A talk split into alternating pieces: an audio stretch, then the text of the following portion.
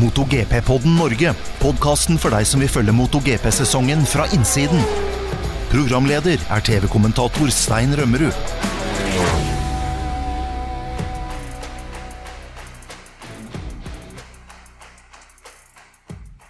Hei igjen, kjære lyttere. Velkommen til niende episode i MotoGP-podden Norge.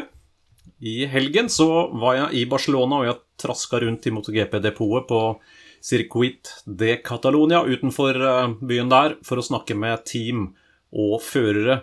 Og for å, med, for å skaffe mest mulig info til eh, både denne podkasten og til MotoGP-sendingene på Viaplay og V-Sport 3. Så i denne episoden så skal vi bl.a. snakke om for det første hva seieren til Quartararo i Catalonia betyr. Vi så også en startkrasj i første sving. Nakagami feide ned Rins og Bagnaya, og den krasjen må vi analysere. Og vi må også se litt nærmere på noen overraskelser som kom i kjølvannet av det. Det er en rekke skadede førere nå som også kan påvirke resultatene fremover. Og det skjer også masse nytt på førermarkedet, for Miller har nettopp kunngjort at han skal til KTM, forlater Ducatis eh, fabrikkteam. Jeg møtte han i Catalonia for tre-fire dager siden da, og spurte om nettopp dette. Det var før nyheten ble sluppet. Han ble ikke så veldig glad for spørsmålene mine. Jeg skal eh, spille av det for dere etter hvert. Og eh, det er interessant, da. Kabalen er i ferd med å bli lagt nå for 2023. Dessuten fikk jeg møte Moto3-føreren Dennis Unchu i Hospitality-traileren til Tech3-teamet. Fikk en god prat med han om eh, hans fremtidsplaner, og ekstra interessant for oss i Norge er jo selvfølgelig det, fordi han er den eneste Moto3-føreren, eneste føreren egentlig i noen av klassene, med norsk pass i innerlomma. Han har jo dobbelt statsborgerskap. Så det er masse å snakke om i dag. Vi kommer tilbake til eh, alt sammen etter hvert.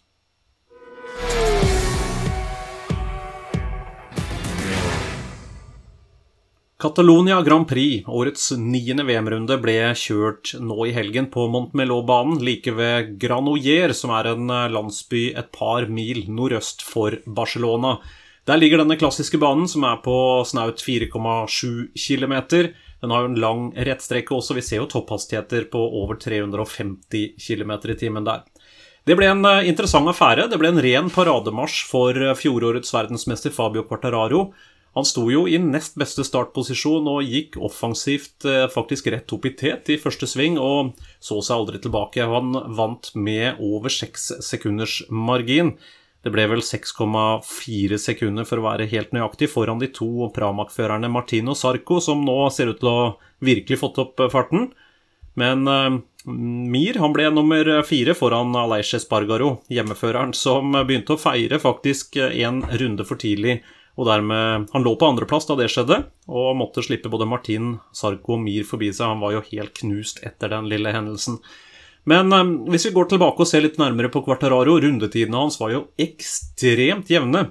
Fra runde to til nest siste runde så hadde han en eh, variasjon på maks 0,8 sekunder, så han er jo som en computer når alt fungerer. Og det er veldig godt levert, fordi det var nesten umenneskelig på det vanskelige underlaget og i den høye temperaturen. Det var varmt, og asfalten var glatt. Underlig nok, fordi denne asfalten i eh, Catalonia ble jo lagt ny i 2018, så det er jo ikke så lenge siden. Men eh, den har allerede rukket å bli ganske grå og lys, og det ser ut til at eh, grepsnivået der har blitt veldig mye dårligere. Jeg var jo til stede på pressebrifen til eh, flere av førerne. Jeg spurte både Paul Espargaro, Stefan Bradel og Jack Miller om hva de mente om dette. Hvordan ble asfalten egentlig når man la ned mer gummi der? Does the track improve when you lay down more rubber? It improved a little, but not enough. I mean, when the temperature is over 50 degrees, really it's it's really really difficult to um, you know to catch a grip and the exit of the corners. But for us, especially on the entry of the corner, when the bike is fully straight, the tendency always is to lock straight away the, the rear. We cannot use the rear brake, never, not in the entry or middle corner. And then this uh, makes that the front becomes super super critical. Is the track improving when you lay down more rubber? I mean, a little bit, but the track is what it is. You know, it's not fantastic, so that's all we can do. Is the track improving when you lay down more rubber? No, not really, uh, because the temperatures are so high. The the rubber is improving. The, the, let's say the first three minutes of the session uh, has less grip. Then it increases a little, but then your tire starts to drop directly, and and you suffer with the, the drop of the tire. So always is is uh, a challenge, and it's hard to set up the bike. You don't know what to do if you should set up your bike for uh, one lap or for the distance because it seems that here it's a massive difference in terms of lap times, the, the race pace and the, the fast lap. Så svaret var altså det hjalp ikke så veldig mye. Det var glatt hele veien. Og det ble vanskelig for samtlige førere. Det var jo likt for alle, men det er jo interessant å se da på sånne typer baner når det er vanskelig underlag og det er glatt, så ser vi også at det blir eh, jevnere. Det blir mindre avstand mellom de raskeste og de dårligste, ganske enkelt fordi at de som da kanskje har et teknisk overtak, ikke klarer å utnytte det på samme måte. Her gjelder det å være silkemyk og det å pushe grensene uten å gå over. Og vi så jo at Fabio Quartararo var helt rå på dette underlaget. Han eh, holdt eh, stålkontroll gjennom hele løpet, og når vi så konkurrentene begynte å nærme seg, så kunne han også øke tempoet litt, bare for å holde den avstanden han trengte. Han tok eh, tidel etter tidel, og til slutt så ble det altså drøyt seks sekunders luke ned til andremann. Yamahas forrige seier her var jo nettopp Fabio Cortararo i 2020, så Yamaha er den mest suksessrike produsenten i Catalonia. Nå har de 14 seire på denne banen, 11 i MotoGP. Valentino Rossi vant jo i både 2004, 5, 6, 9 og i 16, mens Lorenzo vant i 2010, 2012, 13 og 15. Mens Fabio Quartararo har nå to seire her, da, i 2020 og nå i år i 2022. I fjor så ble det jo, som dere husker, en eh, KTM-seier her med Oliveira. Men eh, Fabio Quartararo han eh, ser veldig sterk ut her. Eh, Aleix Espargaro, KTM-en, Hjemmebane. Han er jo vokst opp i Granoyer. Han har fortalt at da han satt på skolebenken bare en to-tre kilometer herfra da han gikk på barne- og ungdomsskolen, så satt han ofte og drømte seg bort, for han hørte motorsyklene på banen her mens han uh, var på skolen. Så dette er virkelig hjemmebane for han og lillebror Pål. Paul. Han gjorde jo et kjempeløp. Han har jo nå faktisk uh, kjørt veldig, veldig bra i år, Aleix Espargaro. Han er fortsatt nummer to i VM.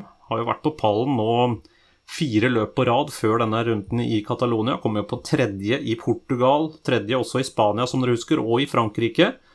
Og eh, tok også en tredjeplass i eh, Italia. Så han er jo veldig veldig sterk i år, og tok også seieren i Argentina, som dere husker. Så alt i alt fem pallplasser og andreplass i sammendraget.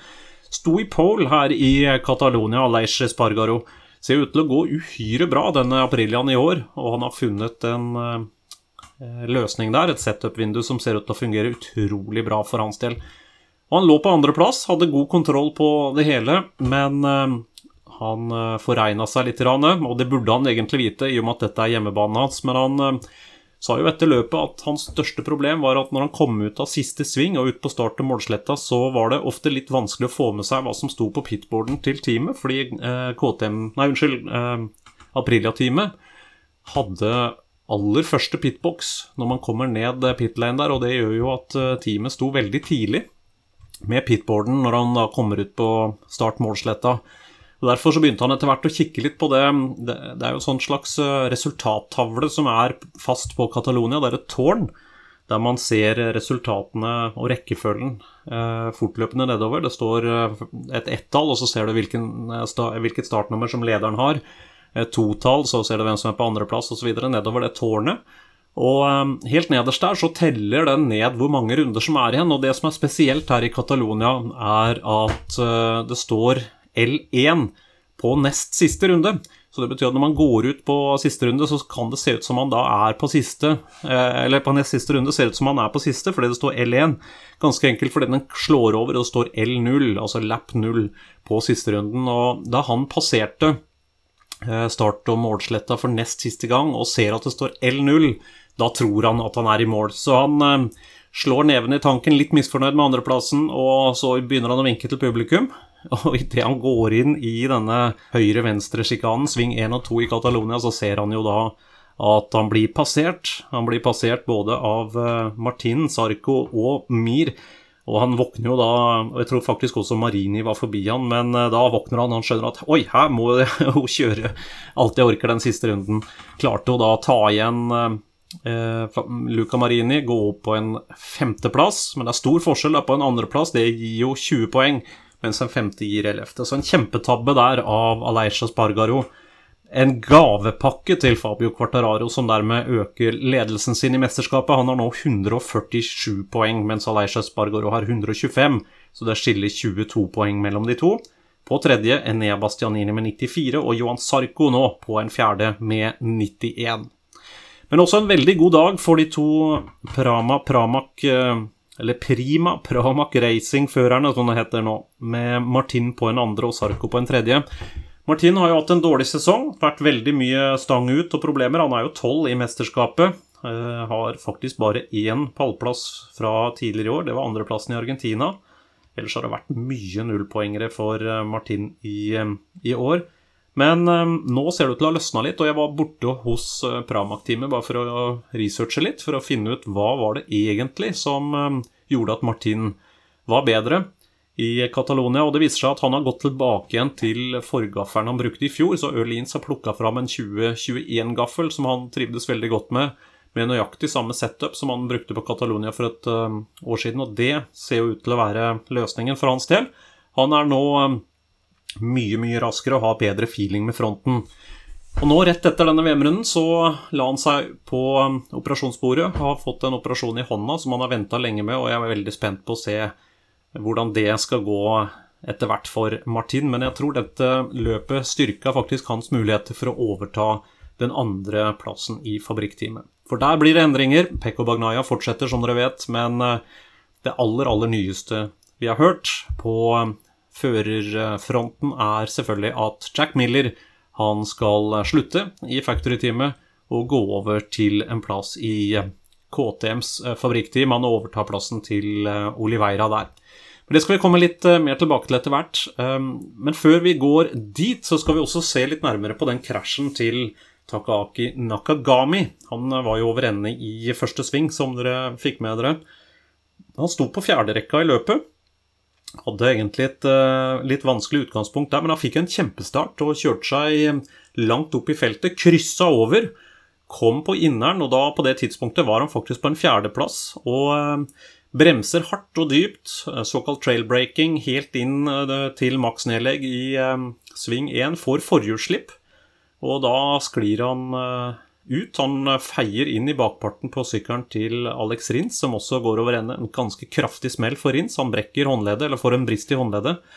Men han treffer også faktisk bakhjulet til Pekko Bagnaya, som på det tidspunktet lå på andreplass, med hjelmen sin. Og for de som kanskje har sett denne krasjen på nettet eller på TV, så ser det veldig stygt ut. Fordi han treffer jo bakhjulet til Pekko Bagnaya med fronten på hjelmen sin. Og dere kan tenke dere selv, hvis man da treffer et bakhjul som er i full rotasjon, så er det ganske mye krefter i sving. Og visiret på hjelmen blir revet da, og han får en slags whiplash-bevegelse bakover med hodet. Og det så et lite øyeblikk veldig stygt ut. Heldigvis så ser det til å ha gått ganske bra med Nakagami. Han fikk et uh, kraftig skrubbsår på haka og har også vært inne på overvåkning en stund nå. Og i holdt på å si, skrivende stund så ser det ut til at han skal kjøre på Saksenring neste helg. Og det er veldig bra. Det kunne ha vært, uh, kunne ha vært ganske mye styggere. Så resultatet av dette er da at uh, Peko Bagnaya han går over ende, Nakagami går over ende, Rins går over, går over ende, så det er tre sterke førere som blir slått ut allerede i første sving. Mange trodde det skulle blitt uh, rødflagg av den situasjonen, men løpet fortsetter, og det er selvfølgelig en gavepakke da til Fabio Quartararo, som tar eh, seieren og vinner altså foran Martin og Sarco. På de neste plassene Miro Espargaro som sagt på fjerde og femte, mens Luca Marini blir sjette. Det er jo et veldig sterkt resultat for hans del. Med Vinales på sjuende, oppløftende også for Aprilia-føreren. Med Brad Binder åtte, Miguel Oliveira på en niende og Alex Marquez blir nummer ti. Faktisk beste Honda-fører denne gangen. Så et interessant løp i eh, Catalonia. Quartararo øker eh, ledelsen sin i mesterskapet, kjørte et av sine aller beste løp noensinne og har 22 poengs luke nå ned til Aleix Spargaro. Han viser nå hvorfor han vant VM i fjor. Da skal vi ta en liten kikk på alle ryktene som går nå om kontrakter for 2023-sesongen.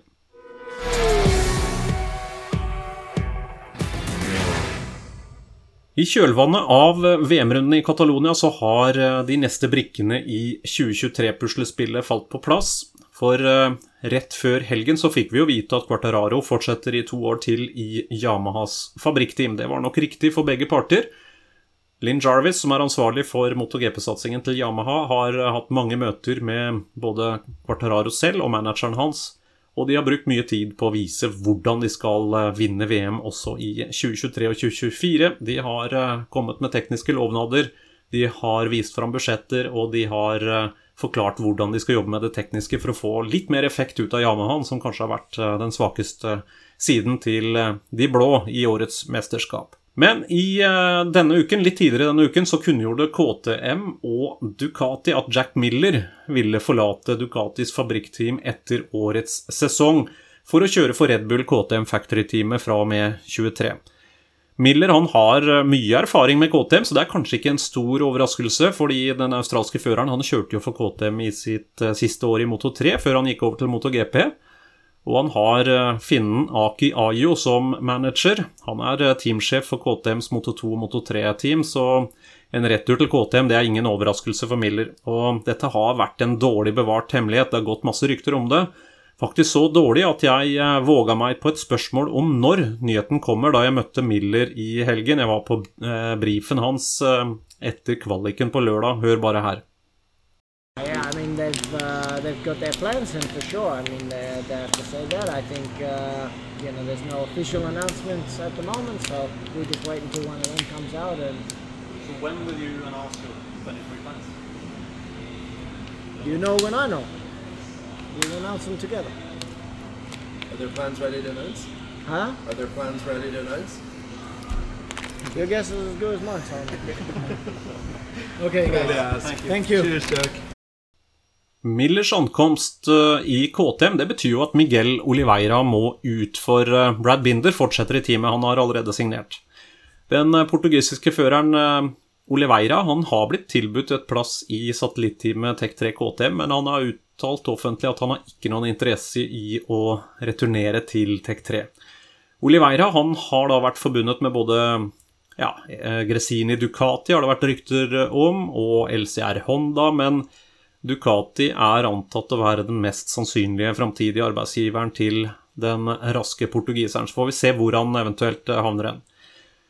Men eh, den signeringen da, til Miller den gjør at åtte av 24 førere nå har en kontrakt for 2023. Vi kan jo kjapt gå gjennom hvem det er. Det er jo Fabio Quartararo og Franco Morbidelli. Begge de to Yamaha-førerne de fortsetter i fabrikkteamet Monster Energy Yamaha. Så er det også klart for eh, fabrikkteamet til Aprilia. Der blir det Aleix Espargaro og Maverick Vinales som eh, fortsetter. Mens eh, Mark Marquez han er klar for Repsol Honda. Og Pekko Bagnaya er klar for Lenovo Ducati, altså factory-teamet til Ducati. Miller han går da til Red Bull KTM, som sagt, og der blir han teamkollega med Brad Binder, som er den andre. Så det er de åtte det er klart for i øyeblikket.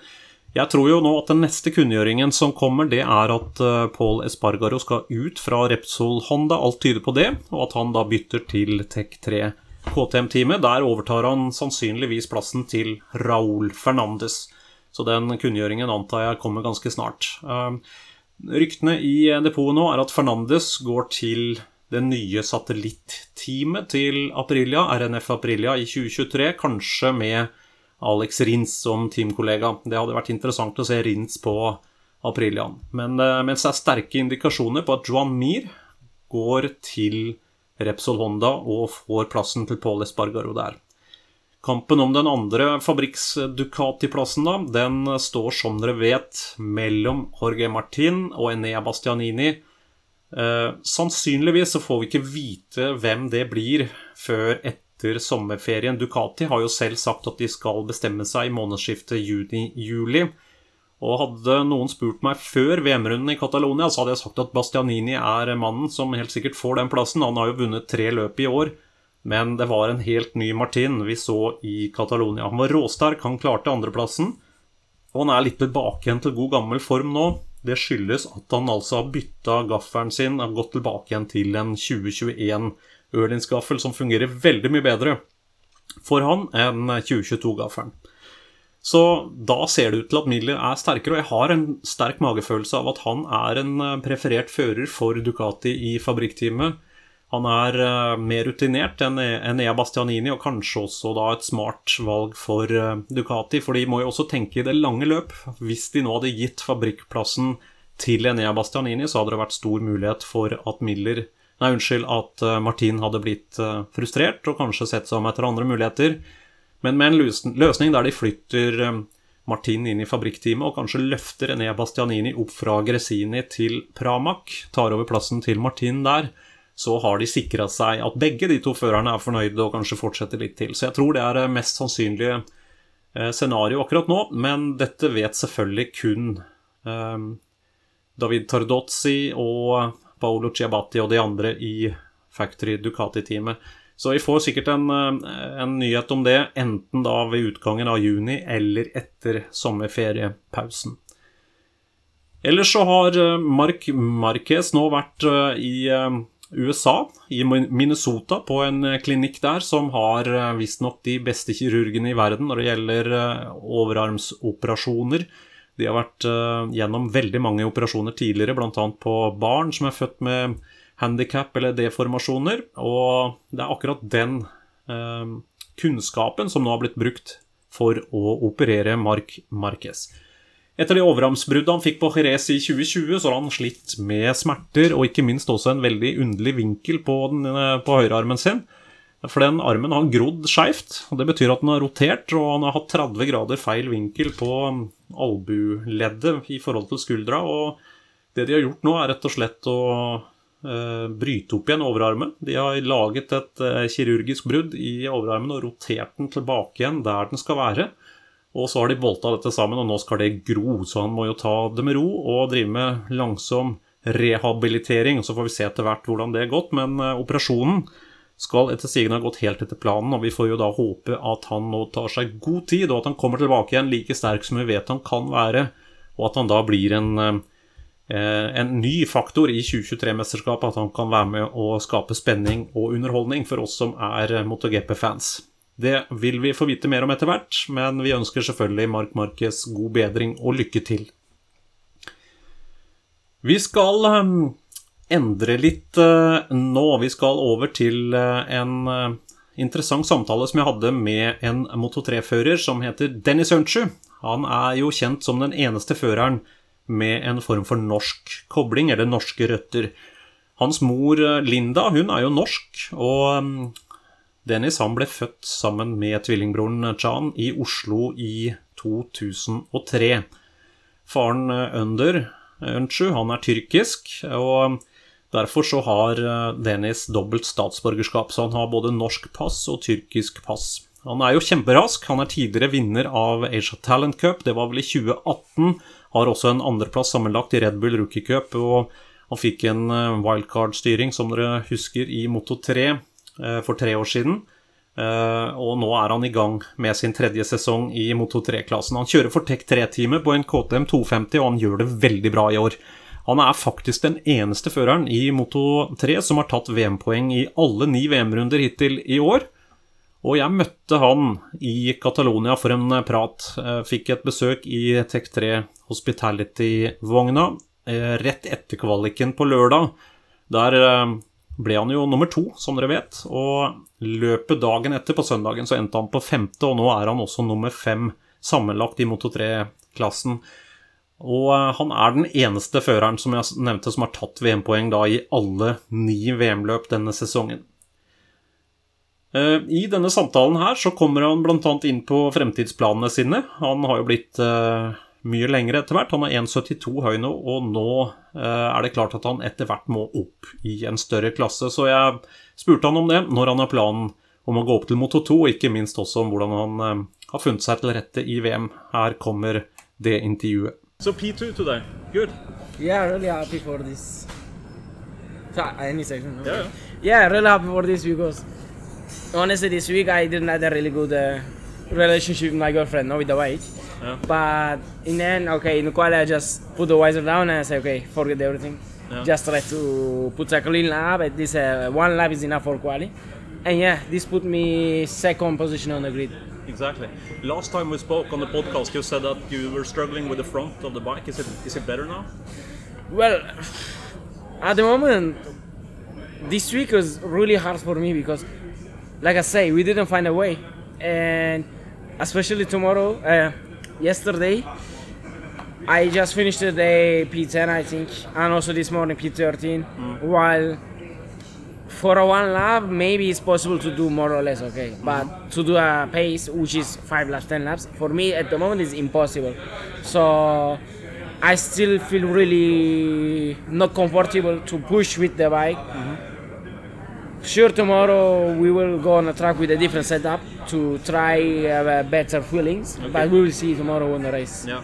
Okay. So what's the what's the biggest problem? Is it the front still? Well, the problem at the moment is to enter the corner with the speed because every time when I'm entering, uh, I need to kill the speed more than uh, usual. Let's say if I have to turn with uh, 150, now I have to enter with 145, and this causes me losing time, and also it's more easy to be get past it, no? So this we are trying to improve, and also the on the exit of the corners, every time when I touch the throttle, my bike rotates a bit different way, you know. But also it's coming from the entry, so the first thing that we have to fix is the entry. I see. But so far this year, you have taken points in all eight races, uh, which is good. And compared to last year, uh, the first eight races, you took point in three races, I believe. So, so why have you improved so much? what are you doing differently? The difference, let's say, last year I understand the points are every points are really important, and I just try to be more constant, and also the not good feeling that I explained also caused even some victories or podiums this year, and this really puts a big pain in the ass for me. But anyway, we did uh, points in all the race this year, and there is two races that I just take totally three points, which is Argentina and last year Mugello, uh, Yeah, last in race Mugello, yeah. while uh, one crash, still uh, one point, and then Argentina with uh, technical problems, let's say, but every point is important. This I Of understand. course. And last year you were on the podium here. So what is realistic tomorrow? Okay, I'm telling that last year was my first podium here, so why not the first victory here? I'm looking keeping positive, so mm. let's see. but realistically, at the moment, I don't know how I'm gonna stick up with this pace mm. because, like I say, I don't know. But in the race days, normally I always find something extra that I can manage better. So tomorrow, for sure, on the race, when I close the visor, when the red lights goes on off, uh, for sure I will be there with a hungry motivation. No, Exactly. I will try to do my best. For sure, tomorrow I'm gonna try to win every lap. If I cannot lead, I will not lead, but Uh, I will just try to prepare for the last laps. Just try to be there, you know. and you like to you like to be up front. You like to control the race from from the lead. Why? Why? I like because some races that I was not on the lead, which I had the potential to lead. With the some touches and uh, with another rider, I just crashed out or lost more positions. So that's why I prefer to be on the top, which is the less risky, while you are just in front of the mess. This I like, but also this causes you a lot of uh, things like you are using more the tire, Yeah. and end of the race, the other riders behind you has a more tire, so Exactly. they can attack more on the last lap. So now my strategy is just wait a little bit behind, a little bit in the mess, which I don't like, but I have to do it. And last laps push. that's but tomorrow, yeah. yes. But tomorrow, let's see, because I don't have a rhythm. I will just go with my full potential. You know, we will see. I don't know. It will be a fight for me. That's good. And now you have a couple of races coming up that you did very well in last year. You have uh, Austria. Si, uh, yeah. You were on the podium there. You have Aragon. You also won the podium there last year. So it must feel good now. So at this stage in the championship, after eight races, taking points in every race, and now you come into the races where you did very well last year. Must be good. I'm happy to come to race in these circuits back because I know I'm fast, strong here, these ones. The only thing I don't like at the moment is after Mugello that I was really strong, to struggle that much here is really not good because I'm, I'm not happy at the moment. But anyway, I believe we can finish this week also in a good positions, give it a good point. Yeah. And even if we can uh, make a podium or win, will be amazing. So with also with the mentally exiting Barcelona will be a really good step for us. The next race in Sachsenring, I really like this circuit, which is one of my favorites. I believe will be good. And yeah, So, what's the plan for next year, 2023? MotoGP. nah, sure, my plans. At the moment, yeah. Well, already this year I'm struggling a lot with my tall Yeah. and the weight. How, tall, how tall are you now?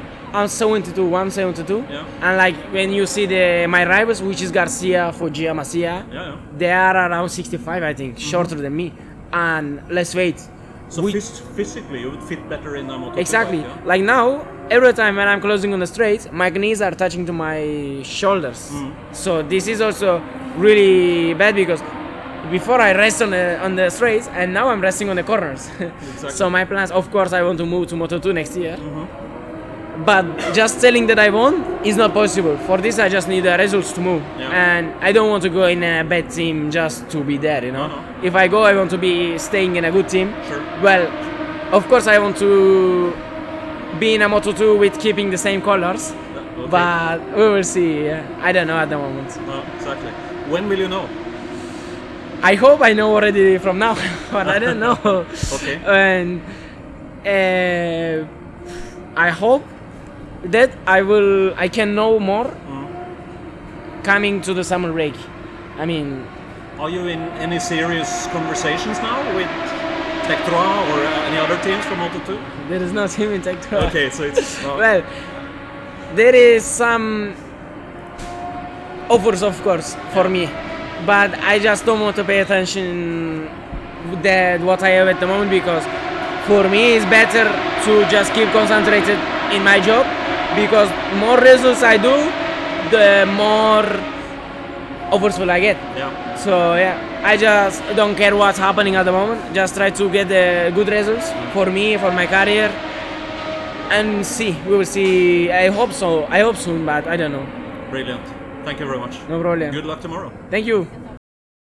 Det var Dennis eh, Unchu. En eh, veldig sympatisk og blid, og ikke minst eh, entusiastisk norsk-tyrkisk fører. Vi har stor tro på at han vil levere kjemperesultater fremover. Det er bare å følge med på start nummer 53 i Moto 3-klassen. Her er det store ting på gang etter hvert. Nå er det Tyskland Grand Prix som står for tur. Det skal skje allerede i neste uke, neste helg. Så vi kommer tilbake med en ny podkast litt ut i neste uke. Da skal vi snakke litt mer om Tyskland Grand Prix. Det er jo da helga 17. til 19. juni at eh, det løpet går av stabelen. Det er jo en interessant bane, en ganske trang og teknisk bane. Korteste i hele VM-serien, 3,7 km. Pleier å bli bra løp her.